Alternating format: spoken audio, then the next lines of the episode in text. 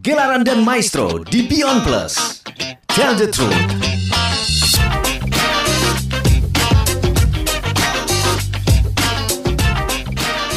Halo, apa kabar Sobat Musik? Saya Heru Cahyono, tuan rumah Gelaran dan Maestro di Beyond Plus. Nah, Gelaran dan Maestro di Beyond Plus untuk saat ini kita akan membahas tentang lagu anak-anak, ya kan? Lagu anak ini menjadi elemen penting dalam perkembangan tumbuh kembang anak. Sebab dari lirik lagu, anak-anak ini bisa belajar dalam masa tumbuh kembangnya. Kalau dalam liriknya terselip pesan yang baik, lagu tersebut bisa menjadi lebih dari sekadar hiburan. Jadi peranan lagu anak ini menjadi penting. Nah, agar anak-anak tidak menjadi dewasa sebelum waktunya, akan menjadi baik apabila mereka mendengarkan lagu-lagu yang sesuai dengan usianya. Nah, menyadari pentingnya lagu tersebut, saat ini kami juga akan memberikan gambaran tentang perjalanan lagu anak-anak dari dulu sampai sekarang. Nah, sobat musik kita ke tahun 50-an. Nah, di era 50-an sampai 80-an, Mungkin kita masih ingat lagu-lagu seperti Nenek Moyangku, kemudian Naik-naik ke puncak gunung, uh, Tik-tik-tik bunyi hujan di atas genting, nah itu kan. Itu lagu-lagu yang sangat familiar di rentang waktu tahun 50-an sampai 80-an. Kita sangat kenal banget dengan lagu-lagu itu. Dan lagu-lagu itu tidak lekang oleh waktu. Itu semuanya diciptakan oleh Ibu Sud ya dari nenek moyangku naik-naik ke puncak gunung tik tik tik bunyi hujan ini ciptaan dari Ibu Sud. Nah, selain menciptakan lagu wajib nasional misalnya Tanah Airku, Berkibarlah Benderaku, Ibu Sud ini juga memperhatikan anak-anak. Terbukti beliau ini juga menciptakan lagu anak-anak. Ia pun menjadi salah satu pionir dari lagu anak pada era awal kemerdekaan. Nah, menjelang akhir dekade 60-an di stasiun TVRI, TV satu-satunya dulu itu cuma TVRI. Jadi di stasiun TVRI ini muncul acara bertajuk Ayo Menyanyi yang mulai mengudara pertama kalinya di tahun 1968. Pencipta lagu anak Ate Mahmud menjadi koordinator dalam acara tersebut.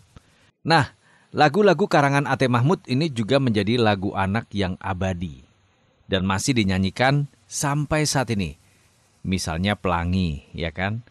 Kemudian Ambilkan Bulan, Paman Datang, Anak Gembala, dan masih banyak lagi.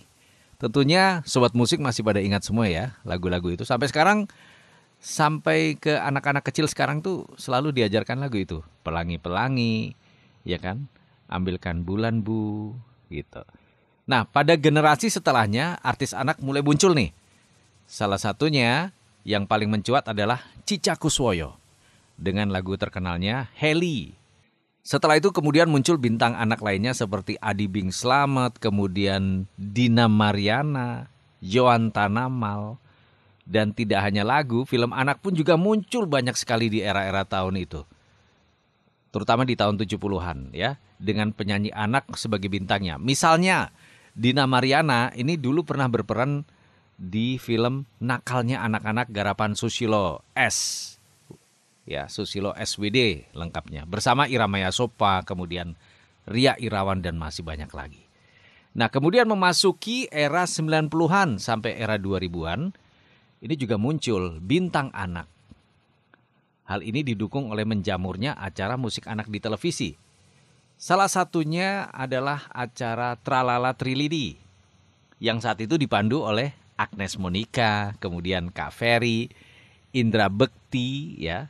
Kemudian ada acara Ciluba yang dipandu oleh Maisi, ada acara Kring Kring Olala bersama Noval Kurnia, ada uh, klub klip ya. Klub klip ini dipandu oleh Dea Ananda dan lain sebagainya.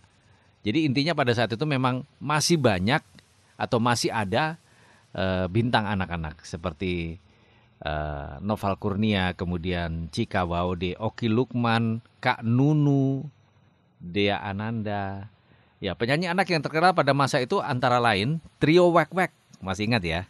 Trio Wek-Wek ini ada dia Ananda, Leoni, dan Alfandi. Kemudian ada Saskia dan Giovanni. Ada Cikita Meidi, Macy, Joshua, Cindy Senora, Tina Tun, sampai Tasya Kamila dan Serina. Nah, di awal tahun 2000-an muncul juga film anak-anak. Film yang dibintangi para penyanyi anak. Di antaranya Petualangan Serina. Itu di tahun 2000, kemudian Joshua O Joshua di tahun 2001. Kemudian ada juga muncul pencipta lagu anak yang sangat populer, antara lain Titi Puspa, Kak Nunu, Papa Tibob, sampai Elva Sesoria. Nah, sobat musik meskipun acara musik anak di televisi pada saat ini tidak mencuat seperti di era-era sebelumnya, tetapi penyanyi lagu anak itu sebetulnya masih ada. Sejumlah penyanyi anak misalnya Naura, Naura dan adiknya Neona ini terbukti memiliki pengikut yang banyak, tapi lewat Instagram. Nah, selain Naura dan Neona, ada pula Sarah Leola, Maisa, Kana, dan masih banyak lagi. Hanya saja jumlahnya memang tidak sebanyak generasi sebelumnya. Nah, bukan hanya kalah secara jumlah, lagu anak pun juga kehilangan sarana untuk menjadikan lagu tersebut populer secara masif. Nah, hilangnya acara musik anak dari layar kaca ini bisa disebut sebagai salah satu penyebabnya.